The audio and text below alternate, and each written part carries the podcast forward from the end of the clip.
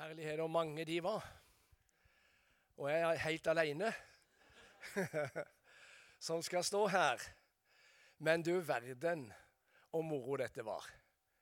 Jeg må si det. Det var helt, det var helt stort å sitte og høre på dere. Jeg skulle gjerne sitte mye lenger og hørt. Og det, de må synge noe etterpå òg. Det, det, er de nødt til. Og så får jeg, heller, eh, får jeg heller eh, være litt kortere da, i det som jeg skal si. Men eh, jeg må jo si at det å bli spurt om å komme hit og være med dere i dag, det var jeg veldig glad for. Og samtidig så har jeg jo grua meg litt. Fordi jeg vet at eh, det dere mest av alt kommer for å høre, det er jo sangen og musikken av et gammelt ungdomskor. Og ikke en uh, gammel predikant. Men OK, nå skal jeg gjøre så godt jeg kan. Og så skal jeg prøve å gi dere et, et godt Guds ord. Det skal jeg gjøre. Og uh, dele litt med dere fra det som uh, jeg har tenkt på, og det som jeg opplever i mitt liv, og som jeg har fått for å bringe til dere nå i formiddag. Jeg syns jo eh, det var, det var veldig flott å se Jenny Kårigstad og Ella som sitter der. Eh, Jenny var jo min misjonær eh, når jeg vokste opp. Jeg må si det. Det var, det var hun som ga inspirasjonen til å bli, være interessert i Kongo og i misjon. Og Jeg fikk også være med og besøke Kongo i 1987. Og da var Jenny ute. Og Jeg husker hvordan hun kokte grøt under ei dyne der ute. Og uh, vi, hadde, vi, hadde, grøt sammen med misjonærene som var der.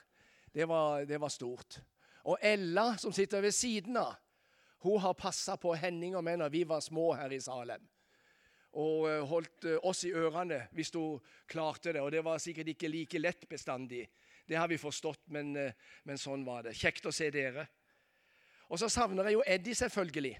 Og var veldig lei meg når jeg hørte at han hadde falt og slått seg og var på sykehuset. Men nå har du bedt så fint, Marit, foran, og vi vet at Herren er der også. Og så var det moro å ha med eh, Johannes. Han eh, kom fra legevakta klokka halv seks på morgenen i dag. En lang ventetid på lørdagskveldene på legevakta, det kan jeg bare fortelle dere. Men han ville være med når bestefar skulle tale her i dag. Eh, så jeg gleder meg over at Johannes han han går på Ansgar-skolen, han er her i Salem. Eh, jeg kom aldri til Salem som predikant og som forstander. Det gjorde jeg ikke. Men eh, nå har jeg et barnebarn som er med som ungdomsarbeider og, og, og er med her i 30 stilling, og det syns jeg er veldig koselig. Gud velsigne deg, eh, Johannes. Jeg bodde i eh, Heimdalsgate her borte når jeg var en guttunge. Først bodde vi nede i byen, men jeg bodde i Heimdalsgade. Og eh, For noen år siden så eh, arrangerte Harald Shepherd og de eh, en, en, samling med de som hadde vokst opp i Heimdalsgade på 50-tallet. Og der kommer Harald. Han har blitt litt større, men det gjør ikke noe. Og da det, var det mange som kom der. Og så var det et spørsmål som de, som de stilte, og det var hva var det med Salem? For de aller fleste som vokste opp i Heimdalsgade og i gatene rundt der, de ble tatt med til søndagsskole i Salem og kjørt i biler og i buss. Jeg vet ikke hva det var, altså, for det var faktisk etter min tid. det der. Men eh, jeg husker jo i alle fall at Verås hadde en gammel IFA. Og jeg tror ikke det var eh, plass til så ganske få i den. Eh, den, den, hadde dører som åpna seg forover, så det var jo livsfarlig å åpne dørene i, fart, selvfølgelig. Men det var sikkert eh, åtte-ti stykker av ungene som var med i den bilen, og som ble kjørt ned til, til Salem, som da lå i Elvegata. Det, det var også tider, kjære dere. OK. Jeg er ikke begynt ennå, som dere skjønner. Og jeg er jo for så vidt det. Men jeg har lyst til å ta utgangspunkt i et bibelord som jeg vil gi dere, og som jeg vil si litt om. Og så vil jeg uh, fortelle litt om uh, hvorfor det ordet ble mitt bibelord. Og Det er Filipperbrevet 1, 21. Og der står det For meg er livet Kristus. For meg er livet Kristus. Det bibelordet ble mitt den dagen jeg ble frelst i 1956. Da bodde jeg også på Lund, og det gikk en guttevekkelse over denne delen av byen på den tida. Dette har noen av dere hørt før, men det gjør ikke noe. Dere har sikkert glemt det. Og så minner jeg dere på det igjen. Og dere som ikke har hørt det, dere får høre det. En mandagskveld så satt vi hjemme i uh, leiligheten, og så ringer det på døra. Og så er det Henning som går ut, og så sier han 'Sven, det er til det'. Og Så går jeg ut, og så står uh, Bjørn Steinar Hamre og en kamerat til der ute, og så står de og griner. og syntes det så så rart ut, så spør de du, 'Sven, vil du, vil du bli frelst?' 'Nei, vil ikke det', sa jeg. og Så gikk jeg inn og så hørte jeg videre på ønskekonserten. Og Så gikk Henning ut igjen og så sa han, ja, men jeg vil bli frelst. Han Han var tolv år gammel. Og Henning ble frelst. Men du må ikke tro at de ga seg for det. Om uh, Henning var blitt frelst og ikke jeg hadde sagt ja, så kom de tilbake igjen. Og så sa de, 'Sven, kan ikke du òg komme med?' 'Du må bli frelst, Sven. Du må bli frelst, Sven.' Og de maste og de gnålte, og det var utidig på et vis, altså. Men OK, sa jeg, skal jeg gå med. Og så gikk jeg med bort i Agder allé 15, der Sissi og Olav Hamre bodde. Og der det var ei åndelig fødestue her i dette området på den tida. I tillegg til sikkert mange andre også som hadde et godt åndelig hjem. Og så kom jeg inn i stua der, og der på den tida bøyde vi jo kne når vi skulle be til Gud. Nå står vi helst eller sitter, men, eh, men, da bøyde vi kne. Og så, så sa de det til meg, Sven, nå må du bøye kne. Og så husker jeg, husker jeg Sissi sa til meg, nå må du be etter meg, sa hun. Og så Ja vel. Og så sa jeg, kjære Jesus. Og så sa hun, kjære Jesus, nå må du frelse Sven. Kjære Jesus, nå må du frelse meg. Må du tilgi hans synder. Nå må du tilgi meg mine synder, sa jeg. Må du skrive navnet i himmelen i livets bok. Må du skrive navnet i himmelen i livets bok. Amen. Og så sa hun til meg, nå er du frelst. Jeg er frelst nå, sier jeg. Nå er du frelst, sa hun. Det er jo ganske rart å tenke på at fra da av så har jeg vært frelst. Har jeg vært en kristen. Og så blei det et eh, bibelord som jeg tok inn i mitt hjerte. For meg er livet Kristus. Jeg ville leve for Jesus Kristus, og jeg ville tjene Jesus Kristus. Og vi hadde et utrolig godt fellesskap i eh, det som var eh, guttevekkelsen på Lund. Men vi var ikke fornøyd bare med det, for vi gikk på møter i den tida. Og da var det ukemøter, ikke sant? Da var ukemøte i Salem, da var ukemøte i Betania, da var ukemøte i Philadelphia, og det var heldigvis ikke på samme dager. Så vi kunne komme og vitne når ordet var fritt i de ulike menighetene. Vitne om Jesus. Og vi var en hel gjeng. Dere som er eldre her, noen av dere husker dette. At vi kom, og så reiste vi oss opp én etter én, og så vitna vi. Jeg er så glad for jeg er frelst. Om du er her i dag som ikke er frelst, så må du bli det. Amen. Og så var det nestemann som sa nesten det samme. Og nåde den møteleder eller pastor som ikke ga ordet fritt. Da kom vi til han etterpå og så sa vi det at du er nødt til å gi ordet fritt, for vi skal være med og vitne om Jesus. For meg er livet Kristus. Altså, Jesus ble så viktig i livet at vi kunne ikke tie stille om det som vi hadde sett og hørt. Og her i Salem Jeg var jo ikke her, da, men det var i Salem. Så møtte jeg også, som det ble sagt her i sted, om Eddie mennesker som så meg. Mennesker som trodde på meg. Og eh, jeg ser for meg Gunnar Verås som søndagsskolelærer, som sto og vippa sånn på beina når han hadde andakt for oss. Sånn sto han. Sånt la du merke til som guttunge. Og så var det Harald Lunde som var fakkelleder, speiderleder. Han så meg. Så var det Torvild og alle de andre i junioren som så gutta som kom, fulle av liv, men som eh, ville leve for Jesus Kristus. Så møtte jeg så mange andre her. Nils Grimstad, som var forstander. Han var en god forstander for meg. Han var modell for meg for når jeg skulle være forstander seinere i livet.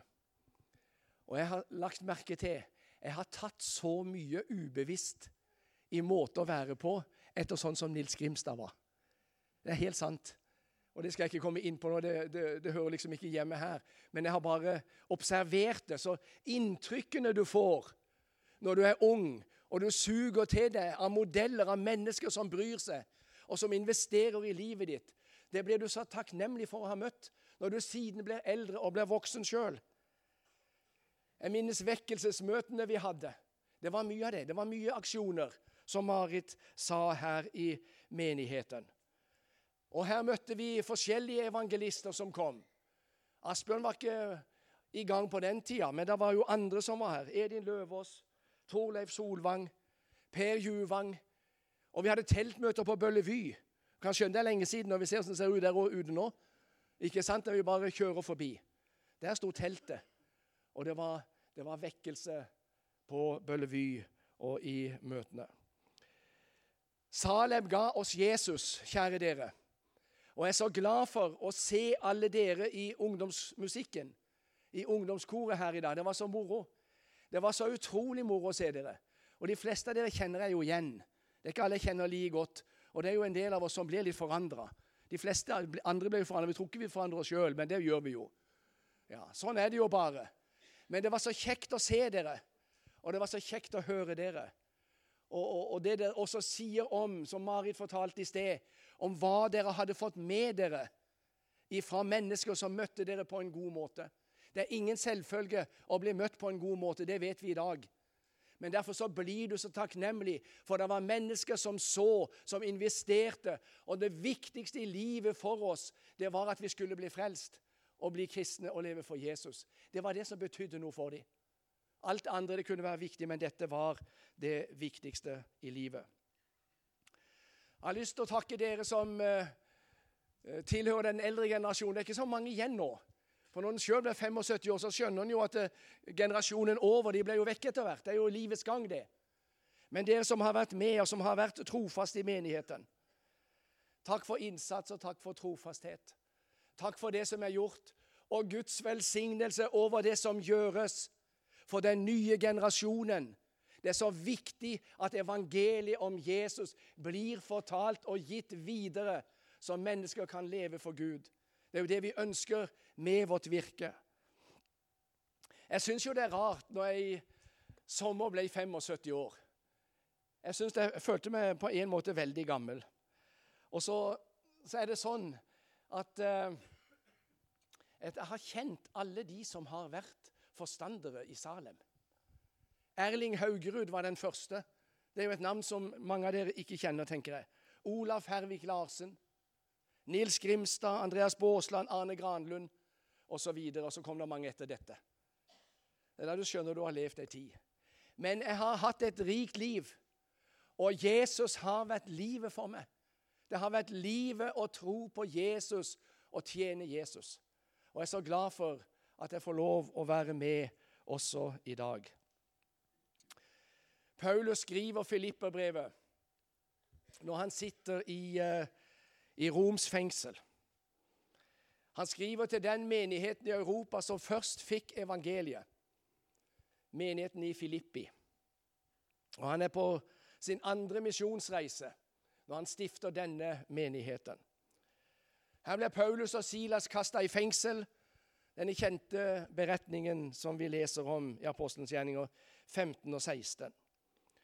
Men eh, det ble danna en livskraftig menighet ut ifra den virksomheten som de hadde. Og Nå sitter han i Roms fengsel. Han er en gammel mann. Du kan lese i kapittel 1 og du kan lese i vers 13-16 hvordan han har det i fengselet i Rom.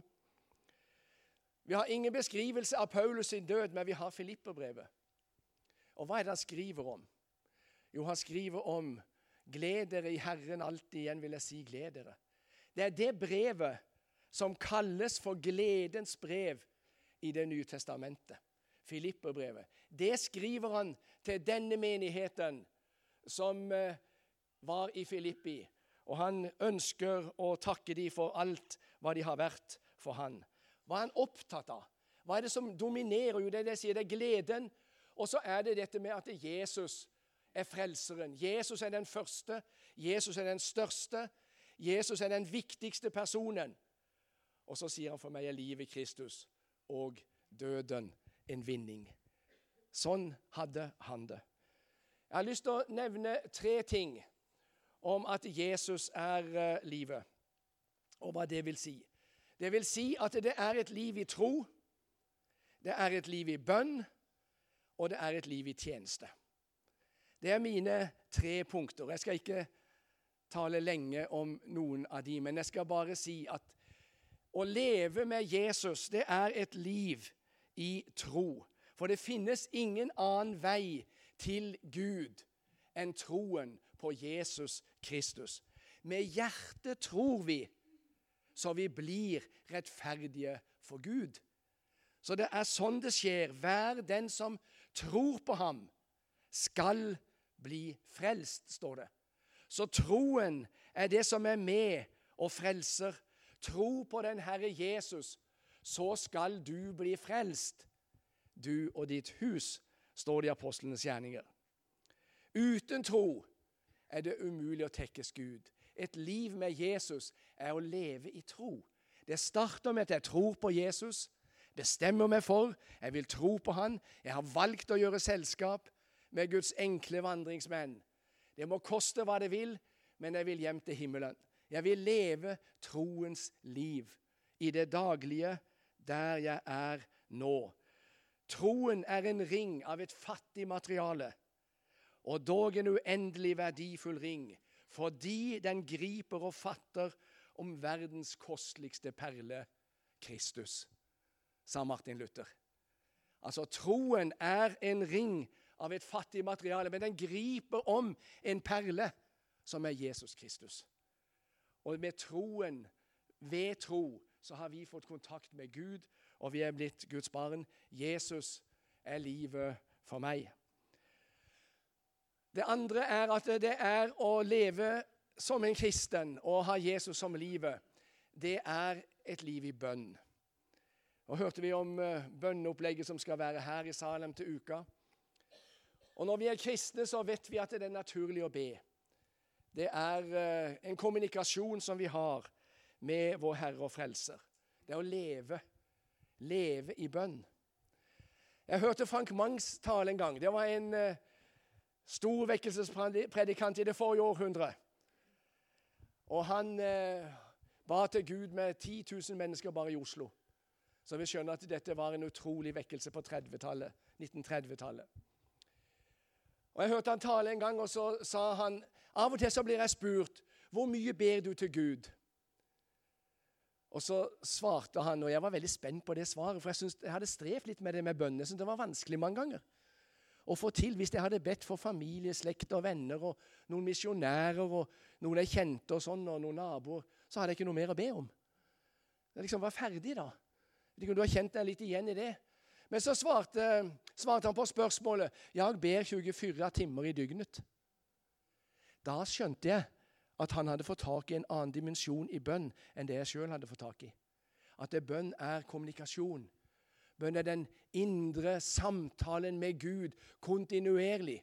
Om jeg er våken, om jeg sover Uansett så taler jeg med Herren og snakker med Han i bønn. Og det er ganske fantastisk.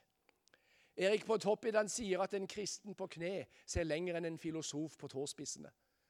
Det er noe i det. For det å leve i bønn, det å være innenfor Gud, tale med Gud, det gir oss utsyn over livet. Det gir oss utsyn over verdifulle ting som finnes i denne verden, og hva som er det viktigste. Sånn er det bare.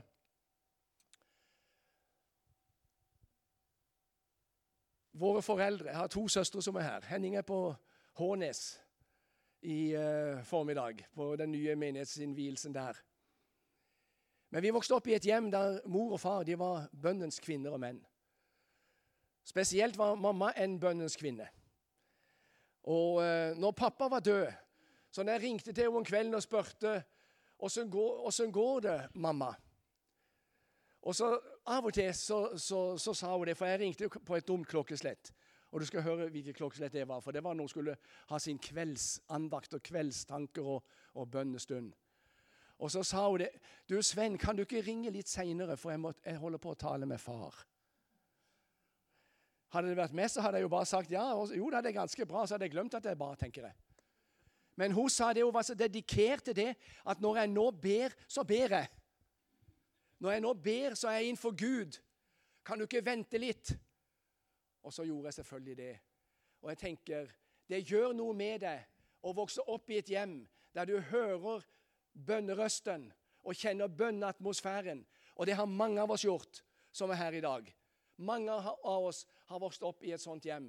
Og vi blir inderlig takknemlige fordi at det var noen som lærte oss å be. I ungdommen trodde jeg at det var så viktig med formen for bønn. Og jeg streva veldig. Jeg kunne sagt mye om det, jeg skal ikke gjøre det. Men jeg gjorde det, for jeg fikk liksom ikke til. Og så gikk jeg på mandagsbønnemøtene i Salem. Husker dere de? Noen som husker de? Det var begge deler, det skal jeg si det. For der lå vi på kne og så ned i benkene, og jeg var helt ung gutt, så var ikke det så lett å ligge så lenge sånn. Men det var det vi gjorde, og så ba vi, og så var vi overalt i verden i bønnene våre. Jeg fikk det liksom ikke til. Jeg syntes ikke det ble noe dreis på det, noe drag i det. Og etter hvert så så, så jobber jeg med dette som har med at det er ulike sider ved bønnen, og at jeg må finne min måte å tale med Gud på. Og så fant jeg ut av det. Og så fikk jeg lære litt av Gud om akkurat dette, hvordan jeg skulle kommunisere med Han på. I stillhet, kanskje. Uten ord noen ganger. Herren sa til Moses en gang 'Hvorfor roper du så høyt, Moses?' Så var det bare lippene som beveget seg.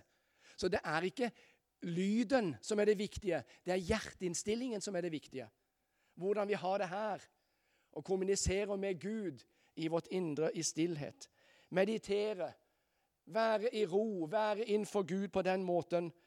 Eller kanskje be andres bønner, som har skrevet ned fine bønner. Det fins masse gode bønnebøker som en kan lese.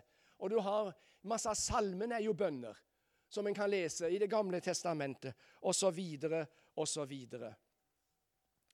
Hør hva en klok mann har sagt om bønn.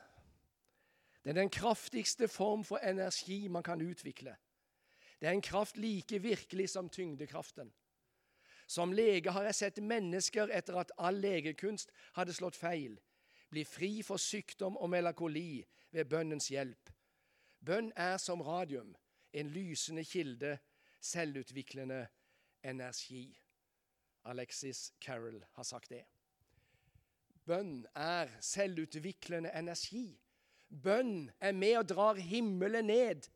Og Derfor er det så viktig at vi lever troens liv i bønn og i samtale med den levende Gud. Ja, hvem skulle vi ellers gå til? Hvem skulle, hva, skulle vi ellers snakke med? Vi har jo ikke snakket oss sjøl. Men vi taler med Herren, jeg må tale med Far. Det er noe i det der, folkens. Er dere ikke enige med meg? Jesus er livet for meg. Det er et liv i bønn. Og så er det et liv i tjeneste. Å være med og tjene Jesus. Å gi av sine krefter, gi av sin tid, gi av sine midler. Være med og tjene Jesus. Det har vært selve livet for meg. Jeg satt sammen med Leif Løland. Og Det har òg noen av dere hørt, men det gjør ikke noe, det. Jeg tror ikke Leif er her i dag, er han det? Det burde han ha vært, forresten. Men det er lett å si at, at de burde ha vært der. Og Det har jeg ofte, gang, ofte sagt når jeg har vært menighetspastor, sånn at det var dumt ikke de var til stede i dag, for jeg hadde noe de skulle ha hørt. Men eh, sånn er det. Men jeg er glad for dere som er her. Og eh, Vi satt altså, Leif og meg satt ute i fjorden i båt.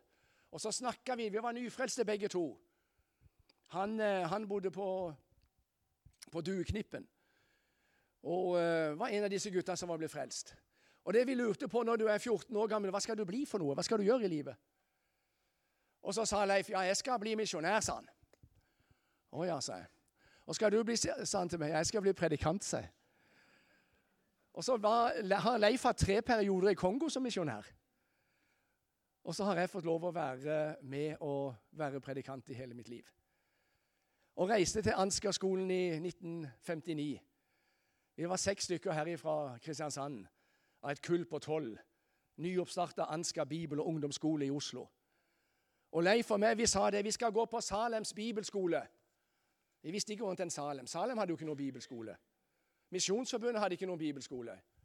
Indremisjonen hadde, og det var sikkert noen andre som hadde noe rundt omkring av organisasjonene, men, men det var ingen frikirkelig bibelskole.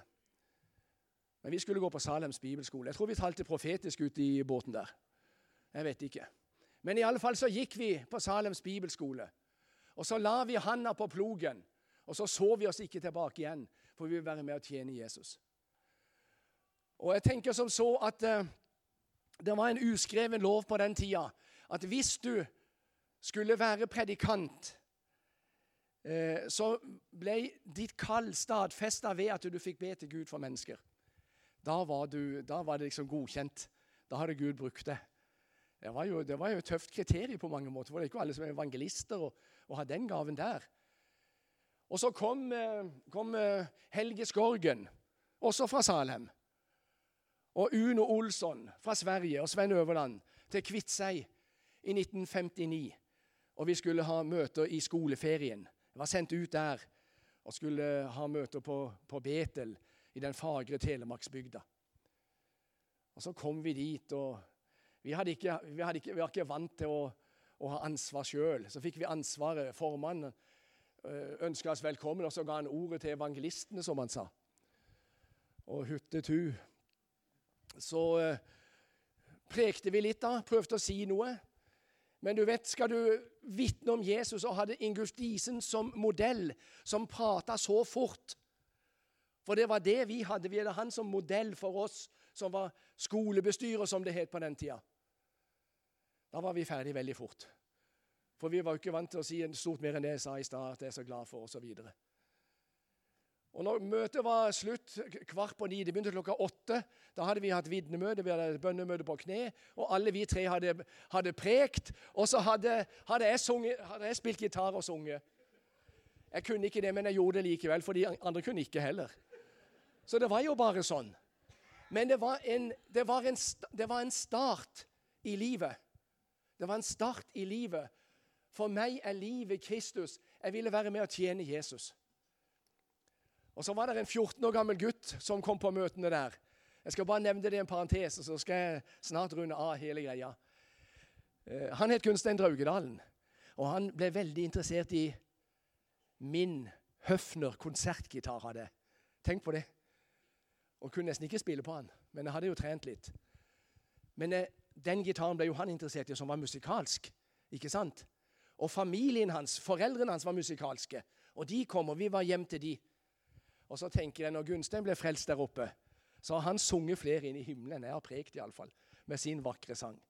Men det var den spede begynnelsen i å være med og tjene Jesus Kristus. Så er det ulike måter å tjene Herren på. Nå har jeg prekt lenge. Nå må jeg få, få rudd, meg i land her, folkens. Men det er veldig gøy å stå her, altså. Jeg må si det. Og eldre du blir, litt, litt greiere er det. du. For da blir det veldig interessant å snakke om seg sjøl og alt det der en har opplevd. Men jeg skal ikke fortsette med det. Men jeg skal bare si at det er det bibelordet som ble mitt bibelord i 1956 for meg er livet Kristus, det ønsker jeg skal være mitt liv så lenge jeg lever. Så døden kan være en vinning. Jeg ønsker dere Guds velsignelse, alle dere i ungdomsmusikken, alle dere i menigheten, alle dere som er i Salem, som er Salem. Og Jeg gleder meg over at eh, Geir Johansen kommer til her, og dere har en flott framtid. Gud velsigne dere. Og vi takker Gud for en sånn menighet som har fostra så mange, og som har gitt oss Jesus. For det er han det handler om, kjære dere. Herre, vi takker for alt godt du gir i livet, for gode mennesker du lar oss møte, for mennesker som tror på oss, som investerer i livene våre. Takk for de som gjorde det for meg her i Salem. Takk for de som gjør det i dag. Velsign den oppvoksende slekt og de unge som skal vinne den neste generasjon. Og så velsign hver og en som er her fra ungdomsmusikken. Takk for de alle sammen. Herre Jesus Kristus. Velsign familiene deres, relasjonene deres, og la de få bære med seg det gode som de har fått med seg fra menigheten her i unge år. Det ber jeg om i Jesu navn. Jesus er livet for